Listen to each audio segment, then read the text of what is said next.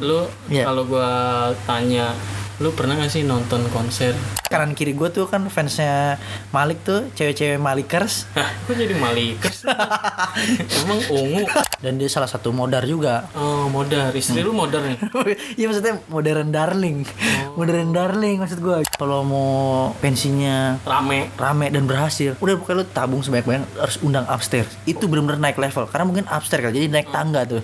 kalau di Jogja tuh kayak nggak nonton konser musik tuh nggak keren gitu ya. Kalau lu pengen menganalisis musik lu harus punya ilmu multidisiplin gitu. Ketika lu punya latar belakang jurnalisme musik ya lu bisa lihat sendiri kayak Toleh Idar atau Mas Wendy. Lu nggak sekedar nonton eh, dengerin musik konser segala macam tapi lu juga bisa punya apa knowledge itu gitu iya. yeah, yeah. yeah. latar belakang itu pasti dipakai terus sih menurut gue Assalamualaikum. Bonjour. Ciao. Halo. Yes, selamat datang di Islam. Suara Laras Anak Muda dan masih bersama Abram dan Gilang tentunya. Ya, kali ini bahasannya mungkin sedikit dinamis karena ini pertukaran informasi antara Abram dan Gilang Iya. sebenarnya. sebelum itu kan kita harus ngucapin minal aidin wal faizin Mohon maaf lahir batin. Oh iya. minal aidin ya blat Gue bisa sekarang nih. Takoballahu minna wa minkum. Wey. apa tuh blat Iya pokoknya tolong dimaafin lah kalau kita berdua sering salah-salah ucap kata ya kan perbuatan perbuatan juga nggak kelihatan habisnya. Iya. Oh ada bisa juga perbuatan kan kita sering eh, slam eh, off air off air, Off air. tatap muka. Tuh. nah Iya. ngom- kan habis lebaran nih kita Iya, bener. harus kembali eh, ini lagi Apa? kembali podcast lagi Kembali podcast. Orang-orang kembali fitrah, kita setelah fitrah kembali podcast. oke Oke. Blat, lu Iya. kalau gua tanya lu pernah gak sih nonton konser gitu Wah, pernah gue, pernah banget, pernah banget. Pernah. Jelas, jelas. yang Gue tuh cukup fans berat ya, Malik, Malik, Malik. Malik. Gue Malik and Essential, gue garda depan gue. sering gue lihat Insta story lu Iya, bareng istri gue, garda depan gue. ada depan lu Garda depan. Jadi di depan gue itu kalau bisa bukan orang, tapi garis pembatas pagar sama itunya satpam satpam sama satpam, satpam. Polisi. Pokoknya sat dagu-dagu satpam tuh di jidat gue. Gitu. Bahkan tuh gue sampai rela gue sedikit ngambil eh, uang apa namanya uang eh, kawinan gue tuh yang diamplopin Iya. orang tuh kawinan itu gue sisihin. Buat nonton The Essentials of Groove. Wah, tuh karena dua band pada masa kecil gue tuh wah gue dulu groove suka banget sama groove. Iya. Teman-teman gue sukanya kan bass jam jamrut nanti gue suka groove groove terus abis itu lo kok kagak ada mau bubar apa napasnya strap strup gitu akhirnya Malik. Nah gue suka banget. Makanya di depan gue tuh pasti pagar nah jadi pagar harus pagar nggak boleh orang. iya, Nah, jadi iya. kanan kiri gue tuh kan fansnya Malik tuh cewek-cewek Malikers. Hah, kok jadi malikers? Emang ungu. Clickers ya? Clickers Iya, iya. Pokoknya sama-sama The Essentials cewek-cewek tuh Heeh. benci mereka sama gue karena gue satu-satunya laki-laki di situ. Tapi nggak sikut-sikutan kan? Enggak lah gue jelas gue tapi wangi wangi wangi karena cewek-cewek cuy. Balik jelas. Iya. pokoknya kalau band sebelumnya ada terus kok di depan cewek-cewek itu pas sebenarnya nonton Malik udah. Iya, itu jelas itu gue singelong lagu dari pertamanya album Malik sampai album yang baru bahkan terbarukan. Mm-mm. Nah, jadi kayak energi cuy. Jadi belum ada albumnya tapi singlenya suka udah ada duluan. Nah itu gue pasti tuh pasti tuh gue Iya. kalau singlong di depan. Jadi yang paling ekstrim lu adalah ngambil menyisikan duit kawinan lu buat Ah. nonton Malik ya? Iya, di Sense of the Groove. Dan itu gue langsung lempar tas untuk bisa di depan panggung Gokil ekstrim. terus Blad Iya. eh, ada nggak gitu yang lainnya Yang lainnya ya, band-band lain gitu eh, Oke, gue agak sedikit sulit sebenarnya untuk jatuh cinta ke band lain karena mungkin latar belakang gue yang nggak terlalu tahu banyak soal musik. Tapi pas gue suka Malik tuh kayak musikalitas itu kok keren banget dia gitu ya. Jadi gue, jadi gue tuh ngelihatnya nunggu orang udah bilang keren, baru gue mungkin jatuh hati gitu. Iya. Eh, sebenarnya gue agak kagum juga sama band yang di era gue sebenarnya di era gue SMA tuh keren banget. Upstairs. Upstairs. Upstairs. Gokil. cuman gue taunya belakangan nih. Semenjak beberapa wawancara eh, orang mewawancarai Jimmy Multazam Heeh. di entah di Gofar atau di Ngobril. Sekarang kan dia punya ini ya kanal YouTube. Benar kanal YouTube. Itu jadi gue baru tahu tuh wah ternyata sekeren itu ya. Jimmy ini memang eh, kalau gue nonton ya ya ini kan orangnya storytellingnya jago banget. Benar, kalau cerita tuh runut apalagi lagu-lagunya kan. Eh, di Matraman itu kan bener-bener storytelling banget Iya, kan. iya. siapa yang bisa bilang batu-batu berteberangan itu gimana itu? Kalau di Matraman sedangkan dia di Kota Kembang. Ah itu tuh itu. cuman dia yang Cuman- bisa cuman ngomong batu-batu melayang berteberangan Makanya gue belakangan malah nanya sama istri gue kan istri gue kan dulu waktu SMA gaul doyan pensi. Dan dia salah satu modar juga. oh modar. Istri lu modar nih? Iya maksudnya modern darling, modern darling maksud gue jangan modern dong buset. Anak gue masih 10 bulan nih. Nyusu aja belum kelar nih. Jangan dong amit amit.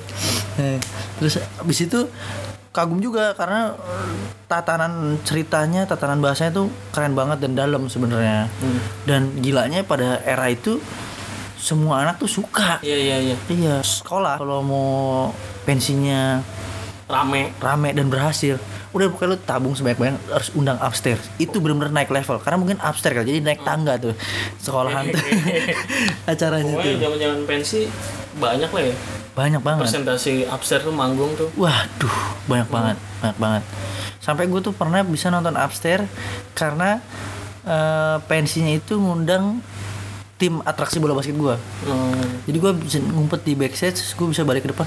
Oh ini tuh upstairs tuh bener-bener atmosfernya eh, euforia modarnya tuh bener-bener, uh modar deh, bener-bener modar. si Jimmy pernah bilang sih bahwa dia pernah ngeritik bahwa kalau di disco itu eh, jogetnya mirip-mirip aku-aku gitu Oh, ternyata dia sendiri yang dia kan menciptakan biasanya gerakan Gerakan-gerakan bener atraktif Terus banget tuh. akhirnya semua pada ngikutin. ngikutin sama jadi sama aja sama yang dia aja. kritik. Iya benar, benar, benar. Malah dia udah ngeri gitu ya. iya Terus dia menciptakan malah menciptakan malah yang nonton. iya banyak jadi yang jadi homogen lagi. Ah, jadi ngomongin lagi tuh maksud Gitu bener-bener. Tapi kan jadi seperti genre musiknya new wave. Jadi dia.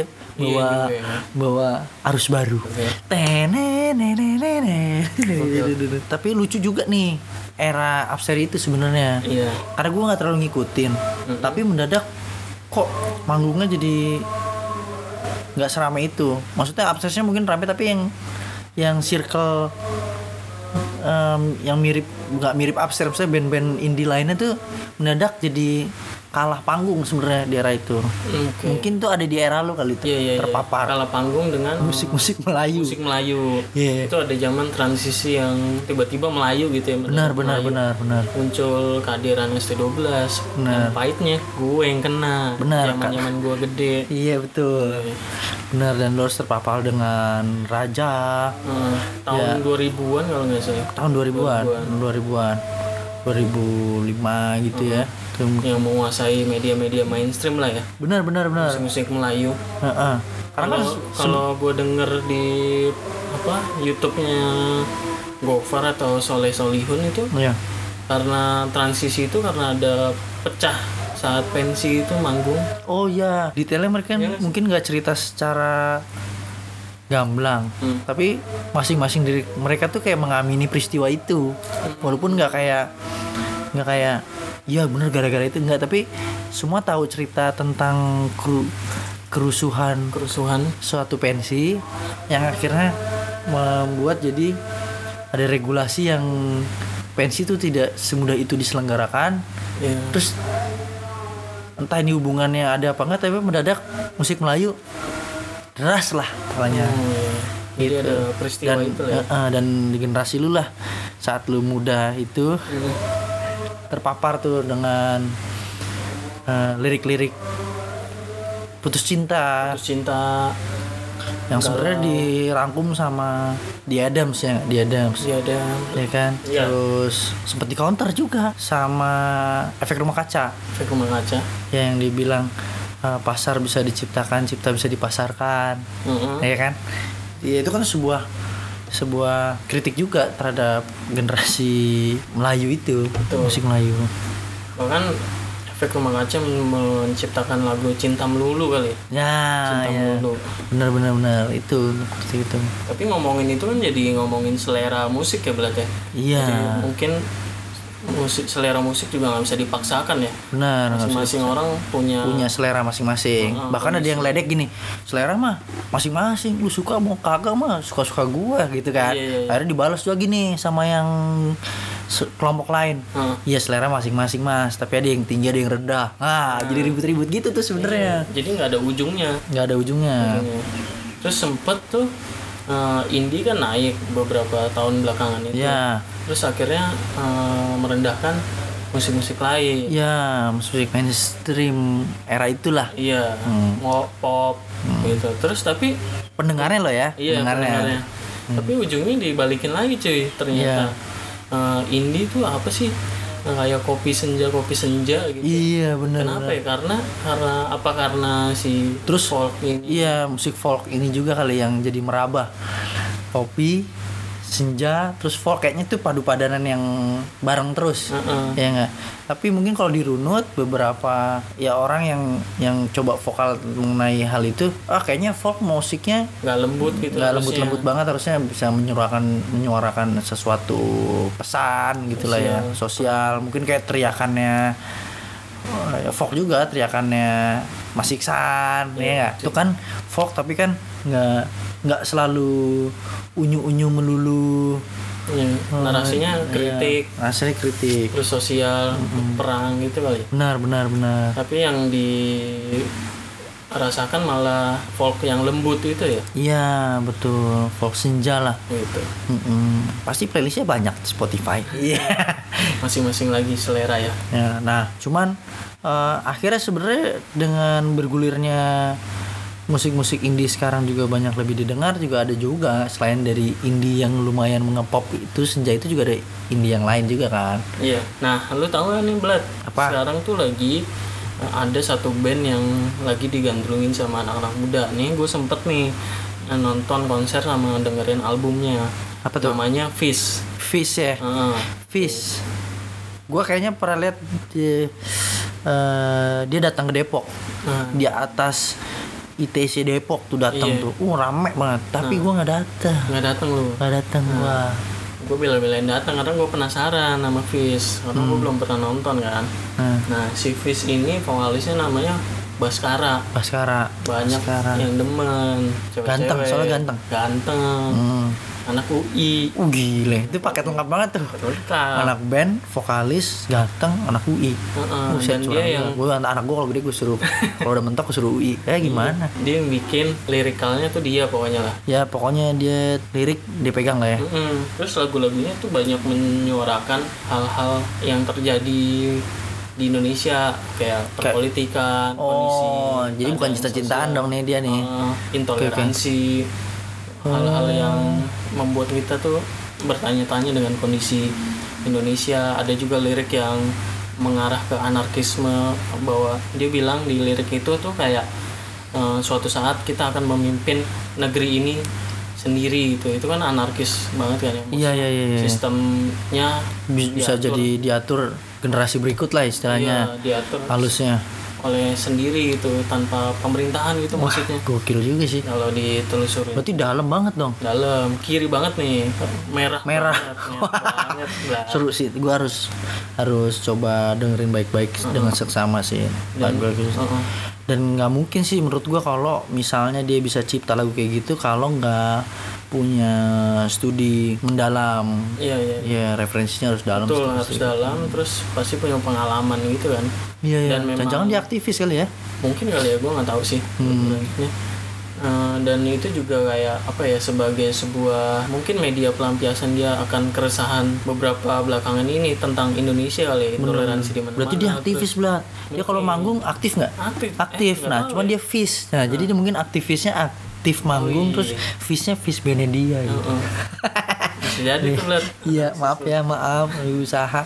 Terus tapi sebelumnya juga kita juga banyak diliatin sama apa didengarkan sama efek rumah kaca. Efek rumah kaca. Efek rumah kaca kan salah satu band yang juga berpengaruh bagi kaum muda dalam hal apa membangun literasi musik. Jadi Benar, benar, di lagu-lagunya kan ada lagu tentang aktivis yang diculik kayak bener bener bener jadi Di jadi udara. ibarat dengerin efek rumah kaca efeknya melek politik, polit- politik terus melek kondisi perpolitikan Benar, benar, benar. terus kayak kita jadi tahu eh, kondisinya gitu. Iya, iya, iya. bahwa aksi kamisan jadi orang jadi ikut jadi ikutan Hmm, terhadap kayak kasus-kasus ham gitu bener bener bener berkat efek rumah kaca juga jadi salah satu yang mempengaruhi Hmm. itu juga kasanah itu bener bahkan sampai ke ranah yang lebih mainstream mungkin eh, Mbak Nana mau punya theme song panggilnya efek rumah kaca iya ya gitu ya sih ada juga kayak musisi favorit kita nih Hmm. Iksan Scooter kan juga Oh, iya. salah satunya yang menyuarakan itu kan benar benar benar benar. nah cuman gue belakangan nih Blad Ya. ngelihat lu jadi kayak eh, apa bisa memberi nilai lah bukan memberi nilai tapi kayak mengkomentari suatu musik suatu konser musik. Iya. Nah lu, lu punya referensi apa nih yang mau lu share sebenarnya? Ya, kalau gua mah cuman ini aja analisis gembel blat. Tapi Ya. referensi gua nih Apa? jos banget nih. Jos banget. Ini keren banget nih. Apa dong? Ini gua kema- eh, waktu Januari lalu ya. itu beli buku eh, judulnya jurnalisme musik jurnalisme Dan- musik. Karyanya? Karyanya Kang Idar. Oh Kang Idar Kang Idar Kang Idar. Dosen sekali. Iya iya iya iya. Eh, penulis penulis, Penulis. ya dia dia dia jurnalisme. Dia banyak menulis buku. Yes yes. Eh, dia kan di, di- tinggalnya di Bandung ya? Benar. Dia sempat nulis buku Pure Saturday. Pure Saturday. yang sempat apa populer di tahun iya. 90 karena membawa genre Britpop, Hmm. pop dan sempat eh, menulis buku itu di bawah naungan Angkal 3 47 347 terus akhirnya menulis beberapa buku juga sampai menulis buku ini nih balat jurnalisme musik. Musik. jadi yang bikin lu pengen beli buku ini apa ini waktu itu? Nah kalau gue sih dulu ini gue seneng banget nonton konser. Iya. Pas kuliah Nah. di Jogja. Iya. Itu konser-konser gue datang festivalis festivalis Festivalis. Jogja iya demen banget nih gue nih Iya. festivalis.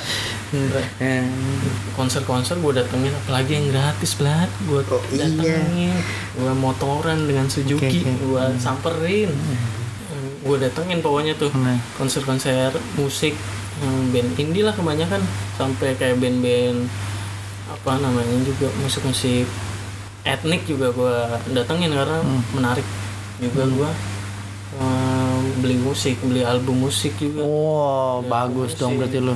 Nyaris aja gue tanya tadi lu, lu udah bilang kalau misalnya gue seneng yang gratis-gratisan. Wah, nih iya ternyata lu juga mengapresiasi beli albumnya gue. iya dong cukup harus, Hampir aja gue mengkritisi lu. mengapresiasi musisi Oke, doki. walaupun kecil tapi bermakna Iya. terus kan waktu zaman kuliah kan kayaknya kalau kuliah terus kan bosan ya Iyalah, betul lah. kuliah ngerjain tugas Bener, bener. musik ini jadi salah satu pelampiasan lah untuk mengurangi stres kalau kata anak-anak kayak kayak pada zaman kalau di Jogja tuh kayak nggak nonton konser musik tuh nggak keren gitu ya Hmm, berarti di Jogja tuh ada suatu katarsis yang keren yaitu nonton konser musik. nonton konser berarti kayaknya asik gitu nyanyi gitu kan seru Benar-benar. apa masuk dalam satu uh, kumpulan orang-orang tuh Ya, ya, ya. desak-desakan nyanyi Betul. bareng apalagi kalau di Jogja kan uh, band-band kayak yang ternama gitu kan jarang banget Betul. di Jogja kalau Jakarta kan sering Oh, bukan jarang tapi maksudnya ya lebih sering di Jakarta. sering di Jakarta kalau Jakarta kan bisa beberapa kali manggung kalau Hmm. di Jogja tuh harus ada yang nyelenggarain dulu Hmm. segala macam jadi euforianya tuh lebih besar antusiasmenya. Jadi lebih gede gitu. Iya, iya, iya. jadi banyak yang nonton konser. Oke. gitu. Tapi gue yang bingung nih pas gue kan hidup di dua kota gitu jadi kayak di Jogja tuh kayaknya musik-musik yang berkembang ada musik-musik uh, yang berbau sosial kritik politik budaya gitu. Kayak gue dengerin sisir tanah Hmm. terus festivalis Hmm. terus uh, segala macamnya sampai Iksan skuter Iya. sekarang Kalau di Tangerang emang kenapa? Tangerang tuh kayaknya kalau gue masuk gue dengerin orang-orang kayak lebih eh, populer kayak lagu-lagu cinta narasinya cinta gue nggak menjudge itu jelek tapi kayak bingung aja kenapa bisa dua, beda gitu ya dua itu bisa kota itu bisa mempengaruhi eh, selera musik orang atau bagaimana itu gue bingung sih Ya, ya, ya. Nah, terus balik lagi kan lu tadi nonton konser. iya Nah, terus setelah nonton konser, impresi lu apa nih? Kalau gua kan ya gua sepanjang pulang nonton konser gua akan puter tuh lagu di mobil atau terngiang-ngiang di kepala gua. Kalau lu apa? jelas banget kalau gua gua pasti eh, muterin lagunya dulu Mm-mm. album pokoknya dalam seminggu tuh gue puterin terus yang sambil Oke, kerjain oke. tugas Terus terus terus. nah, ini juga kadang gue nulisin juga belat gue tulis di blog pribadi gitu Mas pribadi. kalau habis nonton konser tuh gue sering nulisin lah semacam liputan gitu kayak ulasan musik bisa Oke. gitu. tapi tulisan gue tuh jelek jelek ngiri aja gue kalau ngelihat apa artikel-artikel musik tuh kayak bisa mengkaitkan dengan situasi konteks sosial politik Oh, budaya kayak tulisan-tulisan misalnya kayak kemarin-kemarin tuh di Rolling Stone. gitu. Nulis tuh Pokoknya ya ya ya ya, ya, ya, Nah, di mereka itu. jurnalisme musik buku ini tuh Hmm. dijelaskan eh, bagaimana mengkritik musik, mengulas musik, Oh, eh, wawancara musisi itu jelas belah oke. ulasan pertunjukan, ulasan berbagai hal yang berkaitan dengan skena musik gitu ya, Hmm. dijelaskan di sini belah. Berarti kita juga bisa dong. Kayak misalnya kita kan juga ngelihat nih bahwa kalau jur jadi jurnalisme musik kan keren-keren tuh. Iya. Salah satu tulisannya. Gua kan kayaknya kalau ngeliatin orangnya tuh kayak everlasting young gitu loh. Iya, Ya kayak misalnya ngelihat hmm, kayak muda terus ya. hmm, Mas Wendy. Mas Wendy Putrahanto, Nah, Soleh terus Solihun, Soleh Solihun. Setelah itu udah terus Idar, Kang Idar, Idar. kayaknya selera musiknya bagus-bagus, Mm-mm, kayaknya muda muda terus, terus. gitu ya. Oh vokalisnya Gaul. Andra The Backbone juga dulu kan jurnalisme musik juga tuh. Jurnalis Jurnalis juga tuh Dedi Lisan, Dedi Lisan. Iya, iya, iya. Nah, dia juga ini apa? eh, mungkin jangan karya musiknya dia keren juga karena dia punya pengetahuan musiknya juga galak orang jurnalisme. Iya, kayaknya berasa muda gitu terus ya. benar, kalau- benar.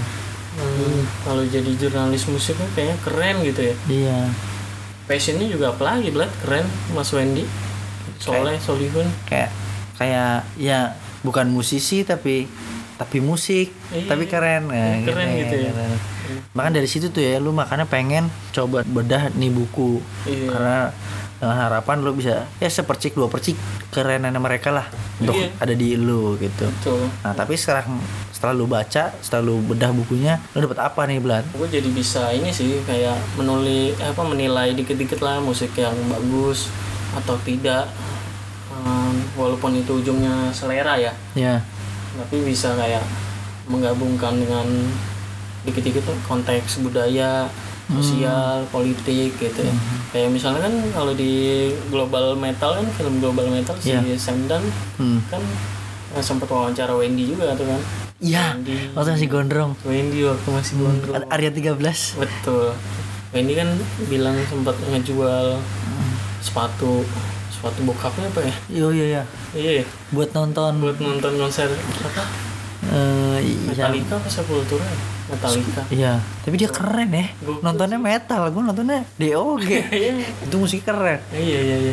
Dari nah, kalau Sam Dunn kan bisa kayak me-highlight bagaimana musik metal itu berkembang di suatu Benar, negara benar, benar, benar, dan benar. bagaimana menggabungkan ternyata ada konteks politik budaya juga. Betul. Jadi, Sam juga jadi gaul gitu, jadi muda gitu kan. Benar, benar, benar. Dia keliling setiap negara, bahwa di setiap negara tuh konteks sosial politiknya beda-beda, jadi Beda-beda. melahirkan uh, Metal-metal yang baru. baru generasi metal yang berbeda. Berbeda. Bahkan dia bisa bikin bagannya tuh Gokil. metal glamor, metal hardcore. Tuh. Ya, gue merasa keren aja sih kalau ngelihat si jurnalis musik gitu. Nah, terus habis itu gue pernah sedikit dapat cerita dari lo juga nih bahwa tentang penulisan. Iya. Emang kalau di buku itu ada ada ngasih tahu cara penulisan tuh teknik lah sehingga bisa menambah kasana penulisan kita untuk menilai Iya, suatu jelas Blat. di di buku itu dijelasin bahwa kalau lo pengen menganalisis musik lo harus punya ilmu multidisiplin gitu lo harus mengerti perkembangan skena musik terus juga bisa mengaitkan fenomena musik di beragam konteks sosial politik filsafat ekonomi bahkan teknologi gitu. Hmm, si sayangnya sayangnya menurut si Idar ini eh, kan sempat ada diskusi musik bincang musik itu diselenggarakan di Ambon. Setahun yang lalu atau bagaimana tapi menurut dia itu bagus tapi tidak terlalu intens gitu. Bahwa perbincangan perbincangan jurnalis apa perbincangan musik ini harus dilakukan bergulir gitu. Karena sama sama pentingnya ketika berbicara dengan ini tentang infrastruktur teknologi tentang hak kekayaan intelektual terus misalnya pembajakan itu kan penting. sangat penting Iya. gitu. Iyalah orang kayak musisi-musisi di luar negeri gitu udah ya siapa ya, gitarisnya Red Chili Peppers? Hmm, eh, yang kan ganti tuh. Hmm, jadi yang lebih muda. Nah yang tua tuh kan sempat kolaborasi sama Dewa Bujana. Terus dia juga cerita kan aku udah berhenti produksi udah males dia jadi agak sedikit depresi karena ada masalah sama rumah tangga gitu. Jadi tapi hidupnya tetap makmur sehat sentosa karena ada rights-nya lagu-lagunya dia gitu. Oh, gitu. yang mengalir itu kan sebenarnya eh, apa ya suatu industri yang sangat kuat dan bisa menyuburkan senimannya kan? Iya ya benar benar. Sama pentingnya sih kata kalau kata Idar itu apa perbincangan musik itu tuh. Ya tidak hanya bergulir di lingkungan kampus gitu Hmm. hanya di lingkup kecil tapi harus diangkat di lingkup yang lebih luas, luas itu ya nasional ya, ya, ya. karena eh, banyak juga akhirnya media-media musik yang tutup kan betul kayak Rolling Stone kemarin eh, harus jadi ini padahal pengaruhnya besar juga Benar, seharusnya benar, untuk benar, bagi musisi ataupun Nah. penikmat musik gitu Betul. Karena penikmat musik semua kalangan Oh, dan kalau yang mainin musik Hmm. itu juga semua kalangan juga. iya. Gitu. gue rasa eh, buku ini cocok buat ini lah ya orang yang suka dengerin musik Hmm, terutama mahasiswa-mahasiswa gitu kan yang senangnya nonton konser, gigs, benar, musik benar, gitu kan ya mungkin juga bisa menjadi memberi kasana mereka jadi lebih kritis untuk bisa iya mendengar jadi suatu musik. membangun juga satu Betul. sisi membangun dirinya eh, yang mau gak sekedar cuman dengerin musik dengerin konser tapi juga membangun dirinya punya pengetahuan tentang musik gitu Iya iya iya. iya, terus betul. em, membangun musisi juga Karena kan penonton ini kan yang ngasih feedback kepada musisi kan. iya Jadi nggak sekedar bikin akun palsu terus pokoknya ngeledek ngejek aja gitu, tapi no reason gitu. Ah, katro. Cik, gitu gue rasa yang wajib sih buku ini dibeli Iya. karena memang sebagai sebuah karya yang bagus yang sebagai guidance gitu Iya, lumayan bahwa guidance ya. profesi jurnalisme musik itu menurut gue selalu keren sih Iya. selalu keren terus kayaknya ketika lu punya latar belakang jurnalisme musik ya lu bisa lihat sendiri kayak Toleh, Idar atau Mas Wendy itu kayak Ketika bisa melemparkan sebuah pertanyaan, Heeh. itu bukan sekedar kayak apa nih yang baru gitu. Genrenya apa nih? Iya, gitu. iya, Nggak cuman gitu-gitu doang gitu ya. Iya. Jadi kayak memang lu bisa sudah lihat sendiri lah mereka itu keren dengan eh, latar belakang jurnalisme musik Wendy Mas Wendy itu sekarang mengelola apa manajemen seringai seringai. gitu. terus sempat nulis buku juga tentang bisnis musik Ya ya. terus Soleh juga sekarang punya channel YouTube yang beberapa sebagian wawancara Musisi. musisi terus dengan pertanyaan-pertanyaan yang mengalir dan keren blognya juga tulisannya buat Iya iya iya. iya Gua Perlu disinggahi sih untuk Profesi. bisa menambah wawasan. profesi jurnalisme musik hmm, keren sih Ya. lu nggak sekedar nonton eh, dengerin musik konser segala macam tapi lu juga bisa punya apa knowledge itu gitu Iya iya. iya. Yang latar belakang itu pasti dipakai terus sih menurut gue Iya sih, karena kan ini juga membuka kesempatan juga orang-orang eh, yang senang musik tapi bukan musisi gitu kan. Iya. Ini kalau orang senang musik bukan soal menjadi musisi doang, tapi juga ada jadi jurnalis musik. iya iya iya. Kan? Karena sama pentingnya lah. Ibarat kalau seniman bikin karya rupa, Hmm. terus ada yang kuratornya, ada yang ngasih narasinya, kan itu sama penting kan. Gitu. Pada yang dikejar anjing tuh, tangga dan semuanya ternyata gue pernah berpapasan lah ketemu. ketemu Oke. Wendy foto Iya. soleh lah kita pernah ketemu Iya, kalau soalnya. Hamidar semua Tapi gua agak mohon mohon maaf nih sama lu Blan. Heeh. Karena pada momen itu lidah gua keluh, lidah gua keluh, membeku. Membeku ya, Jadi sama, gua Blat, cuma ngang, ngang, ngang, gitu. Sorry ya Blat ya. iya namanya juga Ngepen. ngepen ya Ngepen ya, ngepen. Menganggap menganggap tuh mereka tuh keren keren banget gitu ya nah kalau dipikir-pikir sih menurut gue Blat Hmm. hmm, kayaknya peran jurnalisme musik ataupun pelaku musik itu kayaknya besar bagi eh, kota Iya, yang pemberi narasi kota itu. memberi narasi Betul, betul. menjaga narasi Benar, benar. terus melempar narasi Iya. juga baik bagi kaum muda Iyalah, Eh, yang dikeluarkan mereka kan produk ya betul. produk eh, yang akhirnya dikonsumsi masyarakat Sama masyarakat, terutama yang paling dekat masyarakat anak muda. iya apalagi kan sekarang semakin melebar kan anak Nah. muda semakin banyak nah apa yang dilemparkan apa yang dikonsumsi sama anak muda kan akhirnya dikonsumsi sama anak muda terus akhirnya eh, interpretasi kalau yang baik itu ya baik kalau Iya, iya. akhirnya diterima yang banyak banyak yang beredar itu Kurang oke. kurang oke produknya juga Berarti kan yang dimakan juga. mengeboskan Mengeboskan anak muda. anak muda. Iya betul. tapi kalau yang baik justru akan menjadikan apa eh, yang tertanam bagi anak muda juga baik-baik jadi anak mudanya juga menjadi amunisi yang kuat buat menyongsong bonus demografi lah istilahnya iya nah, itu benar iya sih jadi jadi sih sekiranya dari buku itu kita jadi punya apa ya referensi untuk punya framing baru lah. Betul. Untuk bisa buat belajar kita juga. Kan kita punya media podcast ini juga hmm, sering ketemu nama-nama besar juga.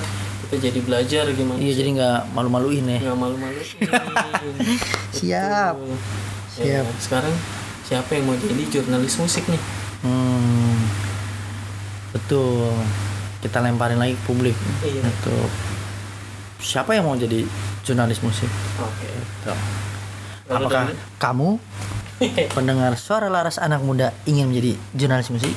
Langsung aja. beli bukunya ya iya dong Iyalah, iya di iya. Gramedia itu buku-buku independen Oke. Dan colek aja penulisnya. Kayak baik orang. baik baik Eh, Kang Idar colek aja DM aja. Kang, saya bingung nih. Yuk kita colek Kang Idar. waduh mungkin eh, edisi kali ini edisi eh, pasca lebaran mohon maaf lahir batin disisipi dengan cerita mengenai jurnalisme musik.